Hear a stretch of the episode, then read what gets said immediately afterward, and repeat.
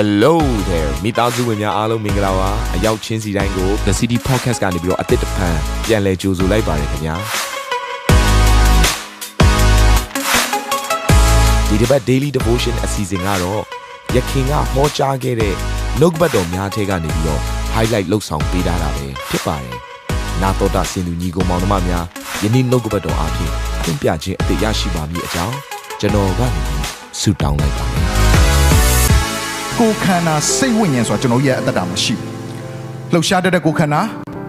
ခံစားတတ်တဲ့စိတ်နဲ့အသက်ရှင်သောသာရကာလတိုင်အောင်အသက်ရှင်တဲ့ဝိညာဉ်ကကျွန်တော်ရဲ့ထက်မှာရှိတယ်။ဖခင်ကကယ်တင်ခြင်းမှုရာကိုပြုတယ်ဆိုရင်အဦးဆုံးဝိညာဉ်ကိုအရင်ကယ်တယ်။ဘာကိုယင်ကယ်တင်လဲ။ဝိညာဉ်ကိုယင်ကယ်တင်တယ်။အဲ့တော့ဝိညာဉ်ကိုကယ်တင်လိုက်တော့ဝိညာဉ်ကအသက်ရှင်လာတဲ့ဖခင်ရဲ့သဘောဖခင်ရဲ့အလိုဆန္ဒကိုနားလည်လာတော့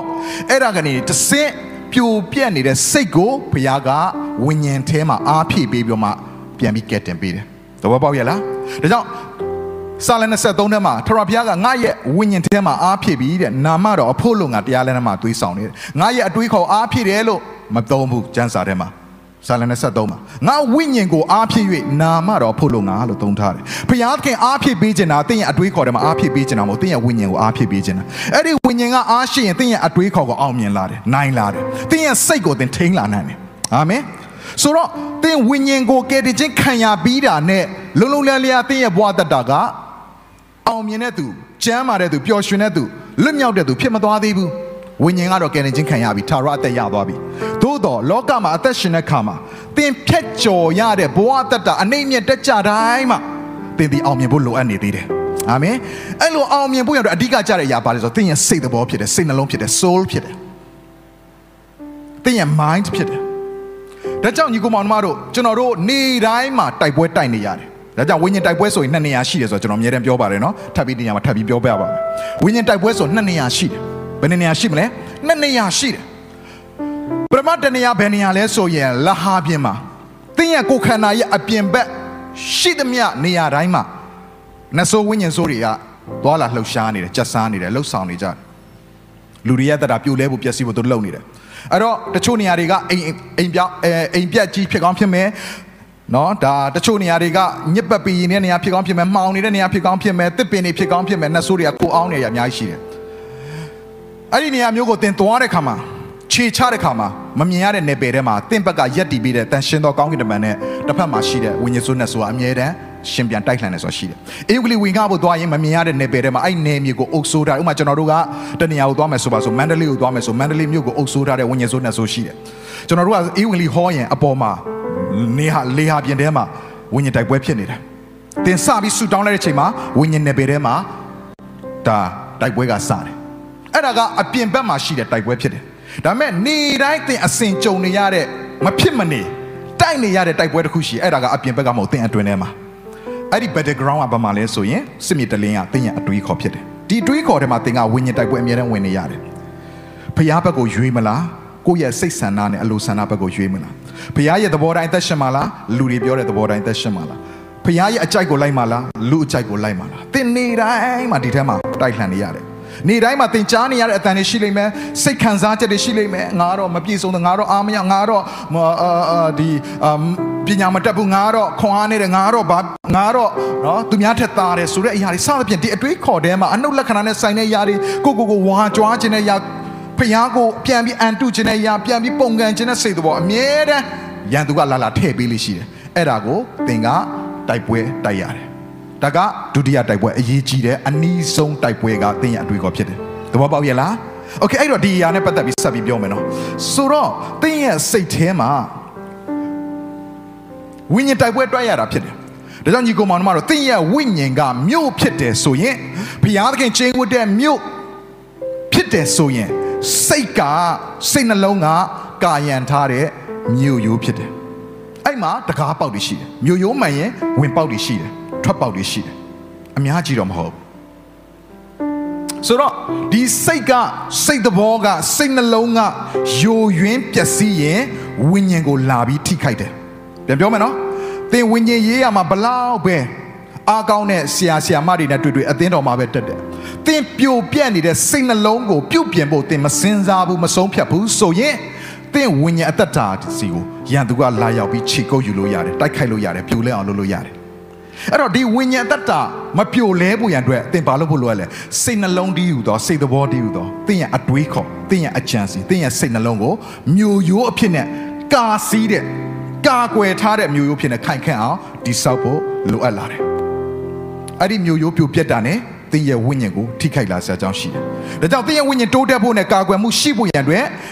ကိုယ့်ရဲ့စိတ်ဆိုတဲ့เนาะမြို့ရိုးကိုခိုင်ခန့်အောင်ဒီဆောက်ဖို့လိုအပ်တယ် အကယ်၍မတိဆောက်ထားဆိုရင်ရန်သူကဝိညာဉ်ထဲထိဝင်လာပြီးတော့မှဖြတ်စည်းတဲ့အခြေအနေကိုသင်ကြုံတွေ့ရမှာဖြစ်တယ်။ဒါကြောင့်မို့လို့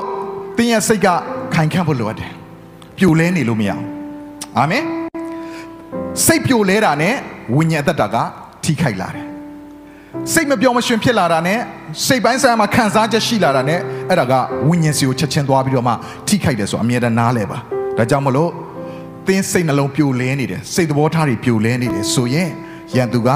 အဲ့ဒီနေရာကနေဝင်လာပြီးတော့မှသင်ရဲ့အသက်တာထဲမှာခြေကုပ်ယူပြီးဖျက်ဆီးလို့ရတယ်။ဒါကြောင့်ဒီနေရာမှာကျမ်းပိုက်လေးတစ်ပိုက်ဖတ်ရအောင်။တုတ်တန်ကျန်ခန်းကြီး25အငယ်28ကဲဖတ်ကြည့်အောင်။တုတ်တန်ကျန်ခန်းကြီး25အငယ်28တွေ့ရင်တူပါဖတ်မယ်တင်းနေတော့ကိုယ်စိတ်ကိုမချုပ်တီးနိုင်သောသူသည်မြို့ရိုးပြိုပြက်၍ဟင်းလင်းရှိသောမြို့နှင့်တူ၏ ကိုဘေးနာလို့ပြောပါငါတော့ထိသွားပြီဒီထဲမှာစိတ်မချုပ်တီးနိုင်တဲ့သူတွေတခုခုဆိုတာနဲ့ဘက်ခနဲ့ပြောတယ်ငါလာမပြောနဲ့ငါပြန်လုပ်လာစိတ်ရှိတဲ့အတိုင်းပြောတယ်စိတ်ရှိတဲ့အတိုင်းလုပ်တယ်စိတ်ရှိတဲ့အတိုင်းပြုတ်မှုတဲ့သူကတဲ့ကိုကိုရဲ့စိတ်ကိုမချုပ်တီးနိုင်တဲ့အတွက်ကြောင့်ဘာနဲ့တူလဲဆိုရင်မြို့ရိုးတွေကပြိုပြက်ပြီးတော့မှဟာလာဟင်းလင်းဖြစ်တဲ့မြို့နဲ့တူတယ်တဲ့ အေးစေးပဲရန်သူကဒီမြို့ရိုးကိုဖြိုဖျက်နေစရာမလိုအตาလေးဝင်လာပြီးတော့လာသိမ့်ပိုက်လိုက်အောင်ပဲညီကောင်မောင်နှမတို့သင်စိတ်ကိုမချုပ်တီးနိုင်သေးတဲ့၍ self control လို့ဒီထက်မှရေးတာအင်္ဂလိပ်လို့ self control ဆိုတဲ့အရာကဝိညာဉ်အသီး၉မျိုးထဲမှာတစ်ခုပါဝင်ဖြစ်တယ်ကာမဂုဏ်ချုပ်တီးခြင်းဆိုတဲ့အရာစိတ်ချုပ်တီးခြင်းဆိုတဲ့အရာမိမိရဲ့စိတ်သဘောကိုထိန်းချုပ်နိုင်သောသူကဘုရားဘုံကိုထင်ရှားစေတော်သူဖြစ်တယ် ဝိညာဉ်တက်တာထဲမှာကြီးထွားရင့်ကျက်ခြင်းကိုနောက်တစ်ဆင့်ခြေလှမ်းလှမ်းနိုင်တော်သူဖြစ်တယ်သို့တော်သို့တော်ဝိညာဉ်ရေးရာမှာတာ၍ကြီးမြင့်တဲ့အရာထိခြေလှမ်းလှမ်းခြင်းနဲ့ဆိုရင်သင်အရင်ဦးဆုံးဘာကိုတိဆောက်ဖို့လိုလဲသင်ရဲ့ပြိုပြက်နေတဲ့မြို့ရိုးဖြစ်တဲ့စိတ်ကိုသင်တိဆောက်တတ်ဖို့လိုအပ်တယ်အဲ့ဒါကဝိညာဉ်ရေးရအတွက်အရေးကြီးဆုံးသောမြို့ရိုးဖြစ်တယ်ဝိညာဉ်ရေးရအတွက်အရေးကြီးဆုံးသောတကားပေါက်ဖြစ်တယ်။ကြောင့်ယနေ့မှာသင်စိတ်နှလုံးသားထဲမှာဘာတွေယိုယွင်းပျက်စီးနေ စိတ်ရှိတဲ့အတိုင်းပြောခြင်းနဲ့စိတ်ရှိတဲ့အတိုင်း post တင်နဲ့ကိုပြောစရာရှိတွေးစရာရှိအစင်မပြေတာရှိကောက်ပြီးတော့မှ post ကောက်တင်တာနဲ့ပပလေးမချုပ်တည်ဘူးမသီးခံဘူးနည်းနည်းမျိုးချပေါ့မမျိုးချနိုင်ဘူးဘာလို့မျိုးချမှာကိုယ်စိတ်ထဲမှာခံစားကိုပြောမှာအေးပြောပေါ့ပြောပေါ့တင်မှတင်တင်း post တင်ရတယ်ဖတ်တဲ့သူတိုင်းကတင့်ကိုအထင်ကြီးလေးစားမယ်လို့မထင်နဲ့ခါလေကျွန်တော်တို့ကဟိုလူအကြောင်းဒီလူအကြောင်းဟိုကိစ္စအကြောင်းဒီကိစ္စကိုလူသိရှင်ကြားဖြစ်အောင် ရှောက်ပြီး post ပေါ်ရှောက်တင်ခံစားချက်တွေနဲ့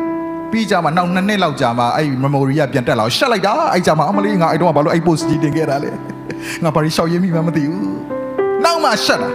အခုလောလောဆယ်သူ့ကိုသူဟုတ်လိုက်မှတ်လို့ငါပြောလိုက်လို့ထိသွားပြီဟိုဘက်ကလောငါတင်လိုက်တာလူတွေအကုန်လုံးသိသွားပြီဘလို့သိသွားလဲသိလားသင်ကဟင်းလင်းပြင်ကြီးဖြစ်နေမြို့ပြက်ကြီးလို့လူတွေကတွေ့သွားတာတင့်ကိုတင်ဝဝမ်းတာမနေနဲ့ကိုကိုခြေနဲ့မနေနဲ့ သင်ခံစားချက်ရှိတဲ့အတိုင်းလူတွေကိုရှောက်ပြောနေတယ်ဆိုရင်ခံစားချက်ရှိတဲ့အတိုင်းပြုတ်မှုနေတယ်ဆိုရင်ခံစားချက်ရှိတဲ့အတိုင်း social media ပေါ်ဒီမှာသင်တင်နေတယ်ဆိုရင်သင်ကိုသင်ဘယ်လိုမြင်ရမလဲသိလားခုနဖတ်သွားတဲ့ကျမ်းစာလိုပဲမြို့ရိုးတွေပြိုပြက်နေတဲ့ဟင်းလင်းပြင်မှာရှိနေတဲ့မြို့ကြီးနဲ့တူတယ်ရန်သူကအေးဆေးဝင်လာလို့ရတယ်လူတွေကတင့်ကိုကြည့်တဲ့ခါမှာပြိုပြက်နေတဲ့မြို့လိုပဲမြင်တယ်မြို့ရိုးပြိုပြက်နေတဲ့မြို့လိုပဲမြင်တယ် ဒါကြောင့်မလို့ကြီးကောင်မတို့ကိုယ့်ရဲ့စိတ်နှလုံးကိုထိန်းချုပ်နိုင်ဖို့ရန်အတွက်အရန်ရေးကြီးတယ်အာမင်အာမင်ထူးနိုင်ပါသလားဒါကြောင့်မလို့သင်ဘလောက်ပဲပညာတတ်ပါစေစိတ်မချုပ်တီးနိုင်ရင်သင်ဘလောက်ပဲစုကြည်စုရထားပါလိမ့်စေအခြားသောဘာစကားပြောလို့မကလို့နဲ့အနာရောဂါငြိမ်းတာပဲဖြစ်ဖြစ်အိုးတည်တော်သူကိုပင်လင်ပြန်ပြီးရှင်ပြန်ထမြောက်လိုက်တဲ့ထမြောက်စေနိုင်တဲ့တကူပဲရထားရထားသင်စိတ်ကိုမချုပ်တီးနိုင်ရင်သင်ကမျိုးရိုးပြိုပြက်နေတဲ့မျိုးပြက်ကြီးပဲရန်သူဝင်လာလို့ရတယ် သိမ့်ပိုက်သွားလို့ရတယ်အချိန်မရွေးပဲသင်ဘလောက်ပဲငွေကြေးကြွယ်ဝချမ်းသာပါလိမ့်စေကိုကိုကိုရဲ့စိတ်ကိုမချုပ်တီးနိုင်ဘူးဆိုအဲ့ဒါပညာမဲ့ပဲဆုံးရှုံးစရာအကြောင်းပဲဝိညာဉ်သက်တာဘယ်တော့မှမကြည်ထွားဘူးဒါကြောင့်ဘယ်အသင်းတော်မှာတက်နေတာလဲဘာစုကျေးဇူးတွေရထားတာလဲဘယ်ကျမ်းစာကြောင်းတွေဆင်းထားတာလဲဆိုတာထက်သင်စိတ်နှလုံးကိုဘယ်လောက်ချုပ်တီးတက်လဲဆိုတဲ့ຢာကဘုရားခင်ရှေ့မှာမင်္ဂလာရှိစေတာကြွာချသွားစေတာအာမင်ဒါကြောင့်ကျွန်တော်ရဲ့စိတ်နှလုံးကိုအယံကို ထိန်းချုပ်တတ်ဖို့စောင့်ကြပ်ဖို့မြို့ရိုးကဲ့သို့ခိုင်ခန့်အောင်တိဆောက်ထားဖို့လိုအပ်တယ်ဘုမသာလင်ရန်သူကဝင်လာလို့မရမှာအလွယ်တကူသင်ကိုဖြိုလဲလို့မရမှာအခုတော့နည်းနည်းလေးမီးတို့ပေးလိုက်တာနဲ့လောင်နေပြီနော်လူငယ်စကားကိုခေတ်မှာရှိရလေဟောအဲ့တယောက်ဘာဒီလောင်နေမှန်းလည်းမသိဘူးဆိုတာလေနည်းနည်းလေးတို့ပေးရနဲ့လောင်နေပြီဟိုကနည်းနည်းတို့ပေးရနည်းနည်းကိုကလောင်တာများများနည်းနည်းလေးမြောက်ပေးလိုက်ရင်မြောက်နေပြီနည်းနည်းလေးနှိမ်ပေးလိုက်ရင်အော်အိုးအိုးအိုးချိုင်းကွက်ထဲထိရောက်သွားပြီနော် နည်းနည်းလေးမှထိလို့မရဘူးအသားလေးပဲရန်သူကအများကြီးမလို့သိအောင်တတို့လေးပဲတို့ပေးအတင်အကုန်လုံးပြိုလဲတာပဲအဲ့ရတွေကနေမထနိုင်တော့ဘူး၄၅ရက်လောက်ဖះเจ้าလည်းမတက်တော့ဘူးဒီလူတွေလည်းမတွေ့တော့ဘူးတော်ပြီခရိယန်ဖြစ်ရတော့မှကိုယ့်ကိုစိတ်နာလာတဲ့သဘောတော့ရှိတယ်ဘာဖြစ်နေတာလဲစိတ်ကမခိုင်ခန့်ဘူးဟယ်လိုတင်ဝิญဉ်ရေးရတဲ့မှာကြီးထွားခြင်းနဲ့ခိုင်ခန့်ခြင်းဆိုအရင်ဆုံးသင်ဘာလို့ဖို့လိုရလဲစိတ်နှလုံးကိုတိဆောက်တတ်ဖို့လိုရတယ်အာမင် ဒီအစီအစဉ်လေးအပြင်တင်းရဲ့အသက်တာမှာကောင်းကြီးဖြစ်မယ်ဆိုတာကိုကျွန်တော်ယုံကြည်ပါတယ်ဗီဒီယိုကြည့်ပြီးခံယူလို့ဒီများအတွက်အပတ်စဉ်တရားဟောခြင်းများ Bible Study ကြီးမွန်ကိုးကွယ်ခြင်းနဲ့အခြားသောအကြောင်းအရာတွေဟာတင်းအတွက်အဆင်ပြေရှိနေပါတယ် YouTube မှာ The City Space TV လို့ရိုက်ထည့်လိုက်တဲ့အခါကျွန်တော်တို့ကိုတွေ့ရှိမှာဖြစ်ပါတယ် Subscribe လုပ်ခြင်းအပြင်တင်းနဲ့ထက်ချက်မကွာအမြင်ရှိနေပါပါဒါအပြင် Facebook မှာလည်း The City ရန်ကုန်လို့ရိုက်ထည့်လိုက်တဲ့အခါသတင်းအချက်အလက်တွေ poster တွေကိုအချိန်နဲ့တပြေးညီတွေ့ရှိအောင်မှာဖြစ်ပါတယ်ခင်ဗျာ The City Podcast ကိုနားထောင်ကြတိုင်းဖခင်သခင်ရဲ့ထူကြသောဖွင့်ပြချက်နဲ့ကောင်းကြီးမင်္ဂလာများခံစားရမိကြောင်းကျွန်တော်ဆုတောင်းရင်ဒီ season လေးကိုဒီမှာပဲညံ့နာပါရစေခင်ဗျာ